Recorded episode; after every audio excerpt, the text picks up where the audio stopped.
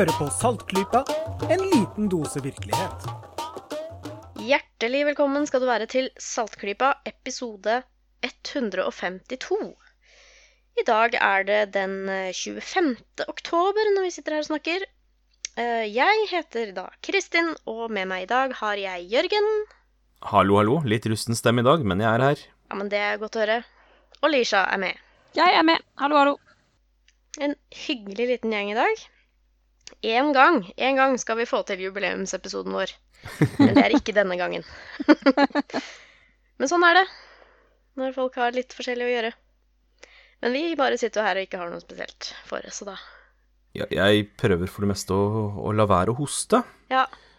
Så vi håper vi får klippet vekk det verste fra det endelige resultatet som uh, våre lyttere må plage seg gjennom. Ja, ja, men da takk for at du gir meg den jobben, Jørgen.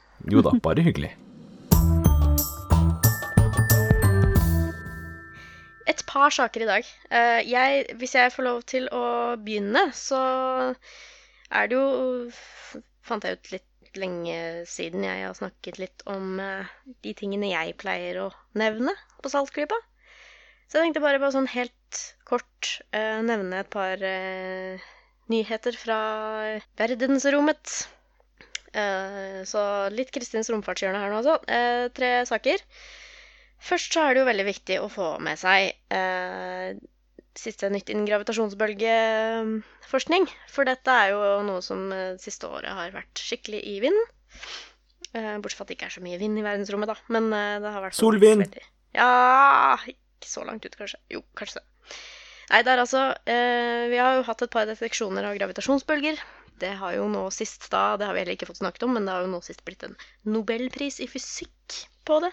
Det ble også Kavli-pris i astrofysikk for dette her. Uh, og det fortsetter jo bare å være en suksesshistorie, dette her. Uh, det er jo ikke, rett slett ingen bomtur. Uh, sist nå har vi fått første deteksjon, eller oppdagelse, da, av gravitasjonsbølger fra kolliderende nøytronstjerner. Så kan jeg bare gjenta det at den første direkte gravitasjonsbølgeoppdagelsen var da i september 2015, kunngjort året etter, og den kom da fra to sorte hull som drev og spiraliserte rundt hverandre og kolliderte og smeltet sammen til et, et stort sort hull, da. Eh, og andre deteksjon var eh, noe eh, av lignende art. Andre juledag 2015, kun gjort sommeren etter. Og enda to stykk ble gjort nå i 2017. Og nå kommer det da et tredje, som da er av litt mer Litt vanskeligere å oppdage, da, i og med at altså, kollisjon av nøytronstjerner det, det er altså da fremdeles to massive objekter med vanvittige tettheter, vanvittige magnetfelt, så det sier jo seg sjøl at det blir eh, Når disse her kolliderer, så blir det så blir det sirkus i verdensrommet, for å si det mildt. Men da litt mindre dramatisk enn sorte hull, så det er litt vanskeligere å oppdage. Så det er dette her som er så, så kult, da. Hmm. Eh, Så det som også var kult med denne her, eh, denne ble også observert eh, ved hjelp av den vanlige ruten vi pleier å observere på, nemlig gjennom elektromagnetisk stråling. Så da fikk vi på en måte en sånn dobbelt greie her, som går litt på det der med at gravitasjonsbølger vil jo være en helt ny måte å, å detektere ting på da, i astronomien. Det fikk vi demonstrert litt her. Ehm, så for disse nøytronstjernene så hadde vi altså en, eh, et, et signal eller en effekt som kom i tillegg til gravitasjonsbølgemålingene. Det ble også Det er jo en glimrende kontroll. ja, ikke sant? Det er helt fantastisk. Og det ble da observert av flere teleskoper. Det var eh, over hele spekteret her. Du har et gammaglimt, f.eks. Uh, det vil man jo gjerne forutsi at det skjer når det er sånne voldsomme kollisjoner. Det er da gammastråling. Eh, Det var et par romteleskoper som oppdaget det. eh, Så da fikk vi jo styrket bevisene på at eh, sånne da nøytronstjernemergere, da, som det heter, produserer da faktisk sånne gammaglimt som vi ser her. Kult. Og så har vi noe som på engelsk i hvert fall blir kalt en transient astronomical event. Det er altså en slags stråling som observeres over noen timer og dager etter en sånn type event. da. Eh, og det kan være alt fra ja, infrarødt til synlig lys til eh, UV-lys, altså sånn mange, mange forskjellige som, som liksom fader inn og ut, som man kan da observere i ettertid. Så det er veldig, veldig kult dette her. Eh, at det kom da i, i eh, Sammen med dette her at det ble kunngjort nobelpris for dette her, er jo veldig kult også. Og til sist vil jeg nevne en fun fact om dette her, som eh, et begrep som ikke jeg har lært før, fordi det er såpass nytt. En sånn merger-event mellom to kompakte binære objekter, sånn som f.eks. nøytronstjerner og eller nøytronstjerne og sort hull, f.eks., det kalles en kilonova. Det ikke hørt før. Så nå vet både dere og jeg det. Og lytterne våre vet det. Har du lært. Ikke sant? Masse spennende i Småklippa. Supernova, hypernova, kilonova. Det er mange kule begreper, altså. Virkelig. To korte romfartsoppsummeringer nå før jeg er ferdig. Cassini. Fantastiske romsonden Cassini, som har gitt oss noen av de mest fantastiske bildene av solsystemet, eh, har offisielt og planlagt da møtt sin skjebne etter 13 år rundt planeten Saturn. Ved da ballistisk svalestup, kan man kanskje eh, kalle det, ned i Saturns atmosfære. Den har da tatt bilde av Saturn og Saturns ringer og alle de små og store månene som sirkler rundt der. Skal ikke si så mye om det, annet enn at det er jo bare helt fantastisk å se alt som Cassini har gitt oss. Og alle de folka som har jobba med det, er jo helt fantastiske folk. Eh, så jeg skal bare lenke til ja, Cassinis største hits når det gjelder bilder av eh, planetsystemet Saturn. Og så har vi Elon Musk, da. Den gale, gale nerdeentreprenøren eh, som verden trenger mer enn noe annet akkurat nå. Han har nylig sittet og nyansert litt på sine hårete planer om å få oss til Mars, da, igjen. Han påsto jo at det var helt innafor å få én million mennesker til Mars innen 2060-åra. Hmm. Jeg tror vi har snakka litt om Ja, vi har jo snakka om han før, men eh, disse planene om å få oss til Mars har vi definitivt nevnt, mener jeg. Ja. Eh, og han har da jobba litt eh, under tiden da med dette veikartet sitt for å få til dette her. Eh, den 29.9. i år så var han på en kongress i Australia og snakket om raketten han ser for seg skal spille en sentral rolle i dette Mars-prosjektet. Og han har jo da gitt kallenavnet på den raketten her BFR, og det står jo for akkurat det det høres ut som. Og den har da 42 motorer. Neppe tilfeldig tall, det heller. Den nerden som han er. Siden han er jo litt smart på sin måte, så foreslår han også å finansiere raketten på forskjellige måter. da, F.eks. For ved å bruke den til litt forskjellige ting i begynnelsen. Eh, F.eks. å levere satellitter i bane og gå i skytteltrafikk til og fra den internasjonale romstasjonen. Og så er det jo da et par nye ting han ser for seg kan gjøres med denne BFR.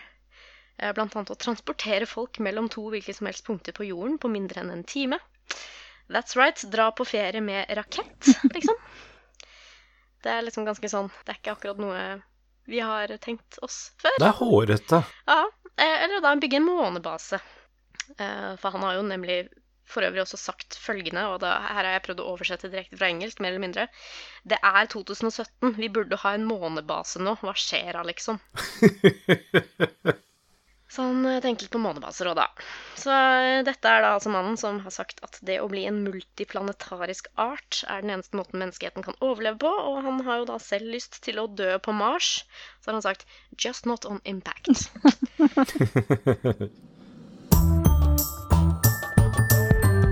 Det er uh, flere astroting jeg kunne ramsa opp, men da hadde det blitt Astrotimen og ikke Saltklypa.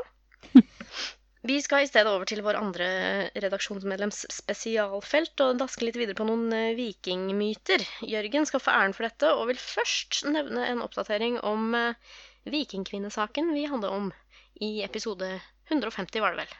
Ja. To episoder siden. Ja. Ja, da tok jeg jo for meg den saken som har gått i uh, nyhetene ganske mye, om uh, analysering DNA fra en skjelettet til en kvinne funnet i en krigergrav fra vikingtid. Uh, og den hadde jo mye negativt å si om den originalundersøkelsen som har ledet disse nyhetssakene. og det gikk veldig mye på hvordan man kan tolke graver, men så var det det siste poenget var at man faktisk ikke er sikre på om knoklene er fra den graven. Nei. Og der har det kommet Og det er liksom Det gjør jo hele greia meningsløs, egentlig. At man Ja, OK, man har funnet at det fantes en kvinne i vikingtid. Hva betyr det?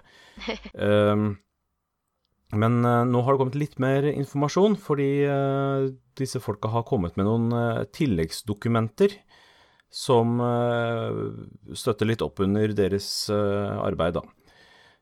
Så vi kan lenke til det, for så vidt, til selve den siden hvor artikkelen ligger, og så er det, må man selv klikke seg inn til det som heter Supporting Information, dokument 2. Og der står det om det Altså, en av de tingene som er sånn åpenbart feil med funnet, er at det er eh, tre lårbein. uh, Ja, altså. Men til sitt forsvar, da. Det som gjør de sier at dette er eh, De beina de har undersøkt, er riktig likevel, det er at uh, alle beina er merka med uh, funnummer, bortsett fra det ene lårbeinet. Så det har de bare tatt vekk. Eh, Ok, Det har havnet der fra en annen grav, da, rett og slett, i noe ryddesjau eller noe? Ja, altså har, På et eller annet vis så har tydeligvis et bein kommet fra et annet funn. Og dermed så virker den funnkonteksten sikrere. Jeg må innrømme at jeg er fortsatt ikke helt overbevist, for at jeg vet jo ikke når det nummeret ble skrevet på de knoklene. Det kan jo være en eller annen magasinrevisjon for noen tiår siden, men at beina fortsatt var sammenblanda før den tid. Ok. Så Så de vet, jeg vet ikke ikke sikkert. Men uansett så har det styrket deres posisjon noe, da. Ja, men Jørgen, kan jeg bare spørre, det, det er altså ikke noe på den merkingen av knoklene hvor det står at eh, dette er gjort tidspunkt sånn og sånn, årstall, et eller annet. Det står ikke noe sånt i det hele tatt? Nei, det er bare funnummer. Det er standarden for merking av gjenstander at de har et unikt nummer som viser hvor det hører til. Men det viser bare det, Det det, er viser ikke vanlig. noe mer om når det er kommet på, eller Nei, det må være eventuelt eh, hvis man har dokumentasjon på når det ble gjort, og det er ikke alltid det Nei. finnes. Så, Så det er separat men dokumentasjon, da. de har ikke nevnt noe mer om uh, at de har gått tilbake for å være helt, helt, helt sikre. Så det står bare det at de er sikre fordi knoklene er merket. Uh, og det som sagt, det styrker posisjonen deres, men jeg vil si at det er fortsatt ikke helt, helt sikkert at de knoklene er fra den graven. Uansett så står jo resten av kritikken ved lag, for de har eh, noen store problemer med tolkningen av den der, da. Så det var oppdateringen. Jeg følte at jeg måtte eh, korrigere meg selv litt med denne oppdateringen. Ja. I den grad det er en korreksjon. Men du har jo en eh, Du har jo potensial til å få en skikkelig eh, vikingmyteføljetong her, du, Jørgen. Jeg har det. Eh, Da vi hadde den, så avslutta jeg med å si at jeg hadde en til på lager, som vi godt kunne prate om lenge. Den skal jeg fortsatt ikke prate om, for det er så mye å sette seg ordentlig inn i som jeg ikke har fått gjort. Men det har dukket opp en annen en i mellomtida som jeg også gjerne vil ta. Har du sett? Ja, det er virkelig høsten for uh, vikingnyheter. Hvem skulle tro at uh, arkeologi var nyhetsstoff i den grad? Det er snart uh, ny sesong av Vikings, vet du. Det er et eller annet sånt nå. Det er noe stunt ute og går her. Ja. Den neste saken tror jeg også veldig mange har fått med seg, for den har florert både i sosiale medier og i de fleste tradisjonelle nyhetsmedier. Og det er at det er eh, en eh, svensk eh, Ja, hun er vel kanskje arkeolog, jeg er litt usikker på tittelen hennes. Eh, Men eh, hun har eh, i anledning en utstilling eh, jobbet da med noen bånd funnet på Birka, som for øvrig er samme gravfelt som eh, den forrige graven vi snakket om er fra. Ja. Veldig viktig, stort gravfelt fra nærheten av Stockholm. Eh, der er det også funnet noen veldig flotte pyntebånd, og hun mener at eh, i hvert fall et av de båndene så er det vevd inn arabisk kufisk skrift, hvor det står Allah og Ali, vevd inn i et vikingbånd. Allah og Ali, du. Ja. Og det Det er. Nei, det Det er klart det faller For noen så er dette overraskende, at det skal dukke opp noe arabisk og direkte muslimsk i et, noe som er laget i Skandinavia i vikingtid. For arkeologer så er det nok ikke det særlig overraskende, fordi det er Vi vet godt om masse handelskontakt mellom eh, den muslimske verden og Skandinavia i vikingtid. Og vi har masse arabiske mynt, vi har eh, importert silke fra disse områdene. eh, og en del klesmoter som har kommet inn. Så det med at det er inspirasjon fra islamske områder på, på klær, er også helt ukontroversielt for dem som kan stoffet. Men selve denne saken er litt mer problematisk. Det første som kom ut, var bare en pressemelding fra Uppsala universitet om utstillingen. Og den var veldig kortfatta og med noen bilder, og det var veldig vanskelig egentlig å se hva som egentlig var greia. Eh, men mange Jeg stilte meg kritisk til det hele ut fra det jeg kunne se, og det så jo mange andre arkeologer gjøre også. Og i løpet av de siste ukene så eh, har flere og flere åpna kjeften etter hvert som mer og mer informasjon har kommet ut. Og det er veldig greit da å se at resten av fagmiljøet er veldig enig med meg. Greit å ha resten av fagmiljøet i ryggen når man mm. går rundt og sier at ja, her er noe gærent. Um, det viser seg altså at det hun har gjort, er at hun har tatt deler av mønsteret på én del av båndet. På en måte klippet det vekk. Eh, altså dette er gjort på papir, da, ikke på originalen. Mm. Liksom tatt det ut av mønsteret, vridd i 90 grader, og satt det på, på sidene av en annen del av mønsteret. Sånn at øh, det er altså flyttet rundt på ting, og satt det inntil hverandre. Og da mener hun å få fram eh, det som kalles for eh, Det er vel kubisk Kufisk. Kufisk. Kufisk. Kufisk. Ja, det er kufisk, men det er, altså, det er sånn eh, ja, nå har jeg glemt ordet i farta, men altså det er firkanta skrift, da. Gjort geometrisk. Ja. Ja.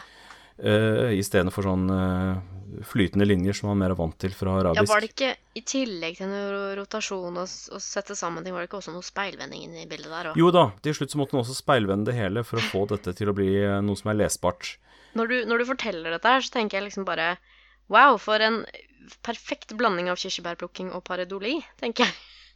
Ja. Liksom, ganske Det er nesten litt sånn fascinerende. Ja. Og det hun ender opp med, er da uh, ikke Allah, men Illa. Som Ja. er uh, noe man uh, kan skrive. Men da er det Nå, nå kan ikke jeg arabisk, nå sier jeg sikkert noe som er gærent, altså. Men det er Så vidt jeg har skjønt, så er det I en setningsform så kan du bruke det, men når du står alene, så gir det ikke mening. Jeg skjønner. Mhm. Eh, at det er noe med bøyningsformer eller et eller annet Mm. sånt noe. Ehm, så, så de som kan arabisk, har jo vært ute og sagt at eh, nei, det, dette stemmer ikke. Um, og så har jo da altså alle arkeologene reagert på at ja, men du kan jo ikke bare ta en bit av et mønster et sted og klippe ut, vri det 90 grader og sette det på, på utsiden av båndet et annet sted, og så speilvende og påstå at det er en meningsfull skrift. Det, det gir jo ikke mening i det hele tatt. Særlig tatt i betraktning at dette i utgangspunktet var et fint geometrisk mønster, som du nå har lagt til noe på siden av og gjort om til noe annet, og så skal det liksom være en skrift. Eh, virker også veldig, veldig, veldig far-fetched. Ja, for dette ordet på arabisk da, som hun mener du har fått frem, er jo i utgangspunktet også veldig simpelt. Altså veldig sånn enkle eh, Enkle former Ja. som kan gjøres veldig geometriske, ja. egentlig. Og det var dumt at jeg glemte det der begrepet om den typen kufisk skrift, da. For Ja. det, nå ble det borte for meg her. Det er så lange Mm. tekster jeg har å vise til, så jeg bruker tid på å lete gjennom det selv for å finne Ja, det. ikke sant. Uh, men uh, det er altså en type kufisk skrift som er veldig firkanta i formen, altså veldig rette linjer. Uh, og det er det hun mener det er, da. Men da har jo også en eh, språkekspert kommet og sagt at øh, ja, men altså øh, Nå er du noen hu- århundrer for tidlig ute. Ja, det er det òg, ja. Ja, den typen uh, Eller ge- geometrisk den kalles. Ja, spiller ingen rolle. Ja. Uh, det var noe fra 1500-tallet eller noe sånt nå, mens eh, denne graven er fra Det er vel 900-tallet. Så det er litt Så- sånn som det at folk går med kilt i den her filmen til Mel Gibson, for eksempel. Helt, helt Ja, off det er tid. eh, omtrent på samme nivå med å bomme på århundret. Ja. Så beklager for alle vi nå ødela Ja, nei, den filmen sorry. for. Det kunne vi jo opps oppsummert i en egen episode, alle de historiske feilene i den filmen. Den er kjempe, det er kjempemorsom, den artikkelen jeg leste en gang. Ja, blant annet barnerovet som er inne i bildet der. Men, eh, men la oss ikke spore helt av med Braveheart akkurat nå. Uh, ja, eh, så det er Vi sitter altså igjen med noe som egentlig var en pressemelding om en utstilling, og når eh, alle som har vært involvert i dette her med sin fagkunnskap er å se på det, så er det hull i alle bauger og kanter. Og det som er at den som, hun som har uh, laget denne utstillingen og dette arbeidet som den er basert på, da, hun uh, heter Annika Larsson. Og dette er ikke første gangen hun er ute og får store oppslag i avisene og blir sabla ned av fagfolk. Riktig. Det var, jeg tror det var i 2007, at hun hadde en sak med sexy vikingklær. Ok.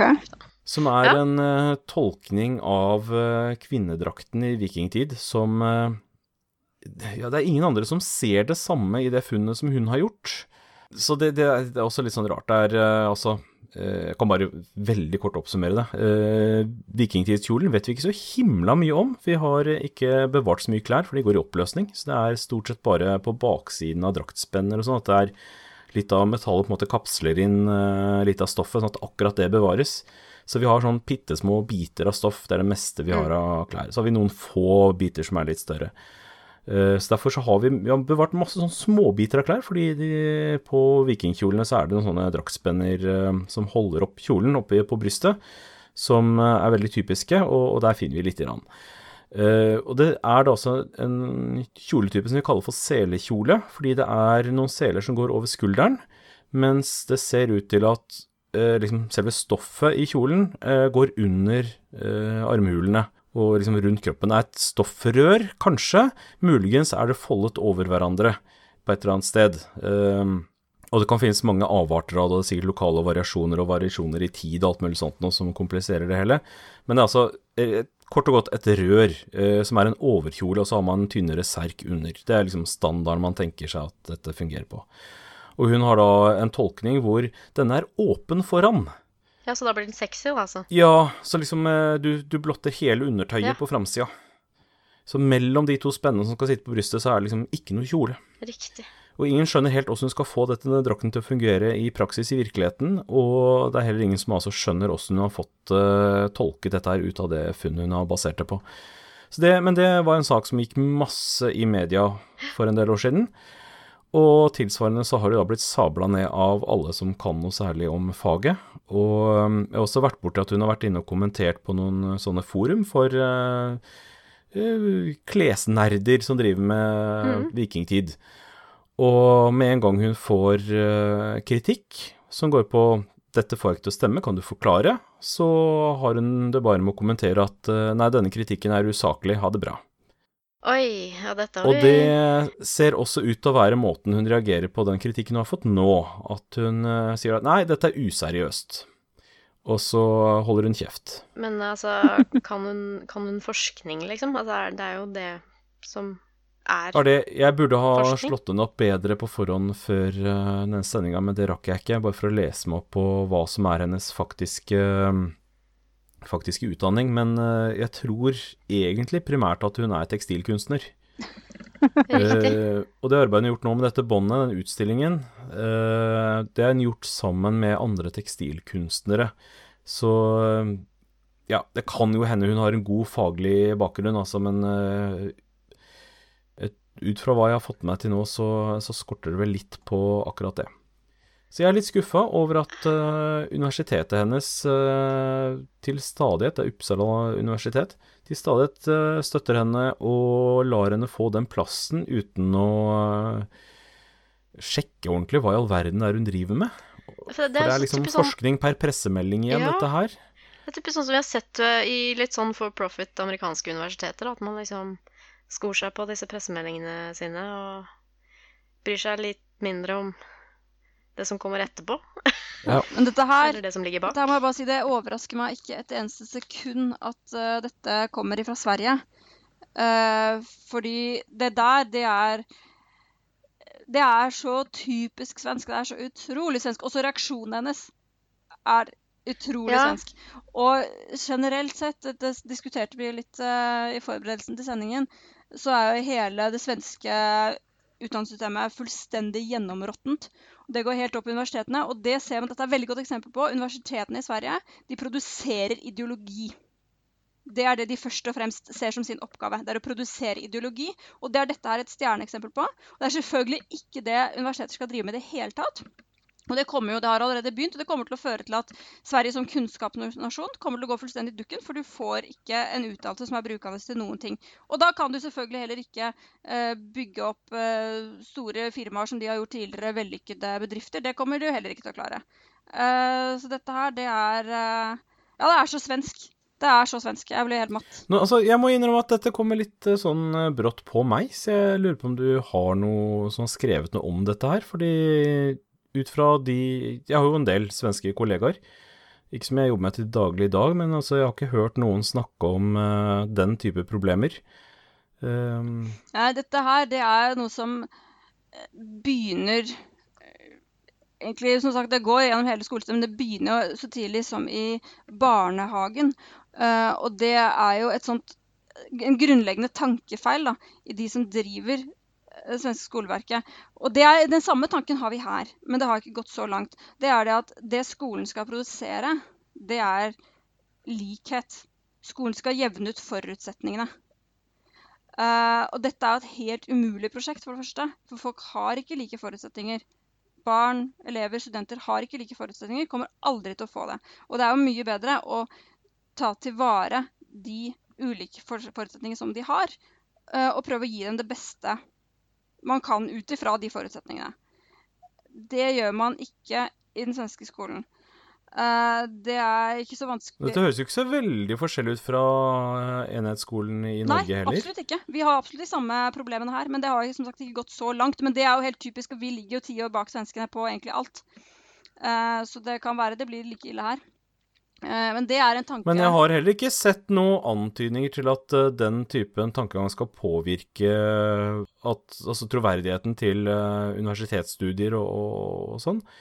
Jeg ser ikke helt den sammenhengen. Det flytter seg jo oppover i systemet, fordi barna lærer jo ikke det de skal. Jeg leste ganske nylig en historielærer som hadde gjort litt forsker av seg og skrevet en oppgave om hva trenger elevene Dette var da i, um, i, grunnskolen. Det var vel i det som svenskene kaller uh, mellom- eller høgstadiet. Altså høgstadiet er vår ungdomsskole, og mellomstadiet er siste del av vår barneskole. Andre halvpart av barneskolen. Um, og hun fant ut at barna hadde ikke faktakunnskaper. Og da klarte de ikke å forstå de liksom, teoretiske konseptene som man prøvde å lære dem. Uh, og det vil jo naturlig, og dette her begynte jo i 1968, og det er klart at det går ikke gjennom hele systemet uh, på en gang, men det vil jo forplante seg opp etter det som de kaller høgskoleprovet. Det gjør de jo, har de gjort i mange omganger enklere og enklere og enklere. Nå tok jeg her om dagen den såkalte ordtesten, er det vel? Ordtestdelen av den. Og jeg klarte den med 100 og jeg er ikke, jeg, ok, jeg, jeg, snakker, Nå skulle jeg til å si at jeg er ikke svensktalende. Jeg snakker faktisk flytende svensk. I den grad jeg kan gjøre det uten noen som har blitt uh, lært opp til det, men bare plukket opp. Men jeg skal ikke klare det. Da er den prøven altfor enkel. Og det ser man jo de, på veldig forskjellige utdanninger. De setter ned kravene, setter ned kravene. Uh, og det er man jo nødt til. Uh, hvis man går tilbake, hvis man ser på f.eks. Uh, Sjalmers høgskole, da, Uh, hvor du, hvis du ser for 25 år siden Hvis du gir de prøvene som man ga inntaksprøvene til Falmer i da 1980 ikke sant? Hvis du gir det til folk som kommer inn der nå, de klarer det ikke. Dette er det forsket på. De klarer ikke det. Det er altfor, altfor vanskelig. Hm. Og sånn er det jo selvfølgelig når de ikke lærer i barneskolen. Ikke lærer i lågstadiet det de skal der. Da klarer de heller ikke det de skal i mellomstadiet, klarer ikke i høgstadiet, klarer ikke i gymnaset og klarer det ikke på universitetet. Så dette forskyver seg jo. Og det er en, et resultat av denne helt feilaktige tenkningen at det er mulig med sosiale tiltak å utjevne forutsetninger. Og det er det ikke. Og det er helt forfeilet å hele prøve på det. Nå er det jo sånn blitt i Sverige at det eneste stedet du har lov til å teste barnas talent, det er på musikkskoler. Eller så er det ikke lov å teste hva de kan, hva de har anlegg for. Fordi det er jo krenkende, da. ikke sant? Eh, det vil jo si at eh, man antyder at noen har dårligere forutsetninger enn andre. Og det kan du ikke antyde, selv om det er en ubestridelig sannhet. Ja, for da går vi litt inn på det der med, med hvorvidt vi skal følge opp barn som er f.eks. eh, kalles mer begavet enn andre osv. Ja.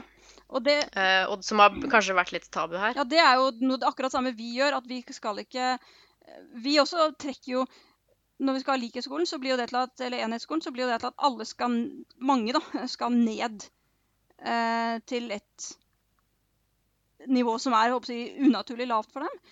Mens andre, siden det, man kan jo ikke holde igjen noen, eh, sånn som man gjorde tidligere, så måtte du jo gå Du kunne dumpe og måtte gå tredje klasse om igjen ikke sant? hvis du ikke lærte det du skulle der. Eh, og det kan man jo ikke gjøre lenger. For det er jo slemt.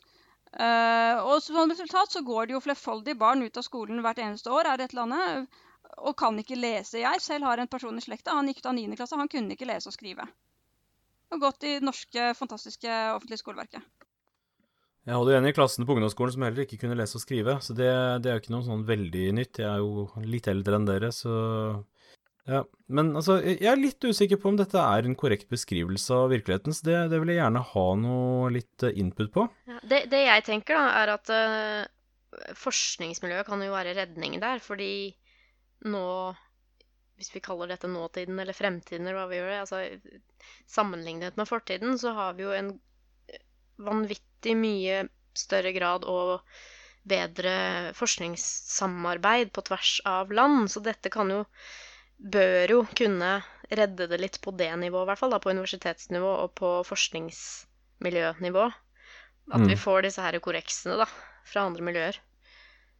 Sånn som vi også da så ganske kjapt kom i den saken om uh, vikingbåndet, i hvert fall.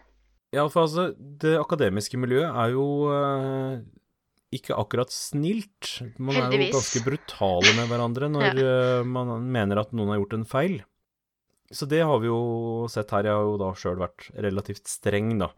Um, så det jeg lurer på, er hva skjer innad på det universitetet? Mm. For det kan jo godt være Jeg har jo selv vært innenfor museumssystemet sånn og vet hvordan eh, det fort kan bli at noen personer eh, har ganske stor reell makt ved stillingen sin og hvordan bare ting har blitt, og at de har eh, noen eh, ting de syns er kjempefine, og kanskje har noen blindsoner, og kanskje sier 'Å, det den personen driver med, er så festlig', og det må vi bare trekke fram. Så de trumfer gjennom Eh, eh, saker til utstillingen. Og, ja, og kanskje ikke helt eh, tenker på om dette er faglig godt nok, og om det kan få innvirkninger for ansettelse til museet og universitetet. Mm. Så jeg, jeg mistenker at det kanskje er noe sånt inn i bildet her, men eh, jeg vet ikke. Jeg har ikke noe innsideinformasjon om det. Nei, men det, så vidt jeg har skjønt, så har det blitt skrevet side opp og side ned på få dager om dette her. Så det går sikkert sånn å rote seg frem til noen detaljinfo. Ja, jeg tenkte å lenke til eh, en eh, artikkel fra The Independent på engelsk, og så er det en veldig god um, Facebook-posting, som vel er åpen for alle, tror jeg. Så vi kan lenke direkte til den også. Um, den er på svensk. Bra. Nei, men eh, vi gleder oss allerede til neste episode, vi, Jørgen, i din føljetong. Du har, Ja. eh, har teaset oss eh, med denne tredje saken i to episoder nå. Ja, den, og den har ganske mye større politiske og samfunnsmessige implikasjoner. Så eh, det er derfor jeg ikke bare hoppet på den, jeg, jeg må få sette meg godt inn i ganske mye før jeg tør presentere den skikkelig. Det blir en times episode, da. Redd for det. Redd for det. Jeg tror nesten det var det vi hadde i dag, egentlig. Jeg har kanskje en eh, bokanbefaling. Ja, hvis Ja. du kan kjøre en anbefaling, så kan vi gjøre det. Eh, det, nå skal ikke jeg sitte her og si at jeg eh, har noe inside insider information om eh, hva slags eh, typer personer det er som eh, hører på podkast og hører på Saltklypa og sånt noe. Det vet jeg ikke spesielt. Men jeg, av folk som er interessert i den type ting som vi tar opp, da, eh, så er det kanskje mulig at det kan finnes en overrepresentasjon av den personlighetstypen som eh, på fagspråket kalles for eh, introvert. Ja. det kan nok være.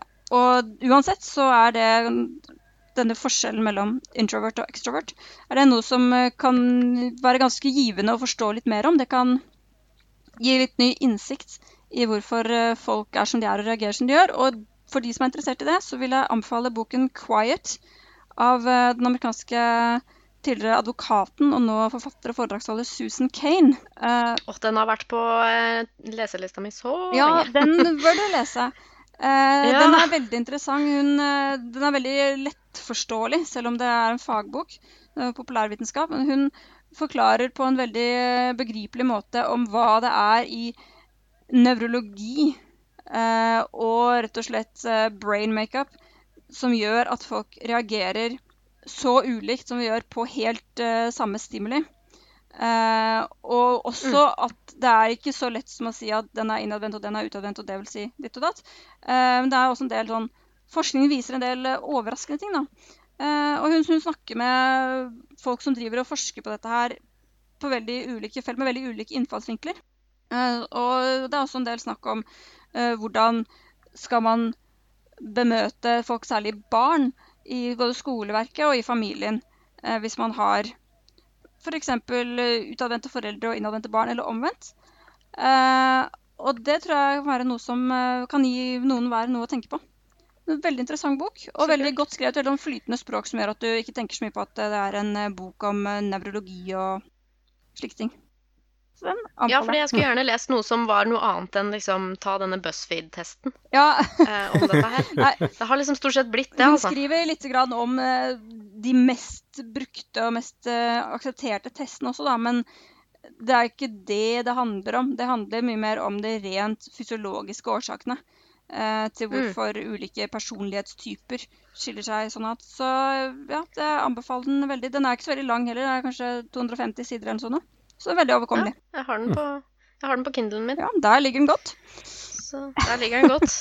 Nå koser seg sammen med liksom 50 andre oh, Bare 50? Nei, ikke så mange, men uh, mange fall. Uh, takk skal dere ha for at dere var med og gjorde Saltklypa til en episode i kveld. Bare hyggelig. Uh, vi uh, satser på å være sterkt tilbake igjen om et par uker, vi. Ja. ja. Gjør vi ikke det? Ja. Skal vi si ha det, da. Ha det. Ha det, ha det bra. Der fikk du til en virkelig basstone, Jørgen. det siste der. Saltklypa lages av Kristin Lisha, Jørgen og Bendik. Har du spørsmål, anbefalinger, ris eller ros, send det til post at saltklypa.no, eller finn oss på Facebook.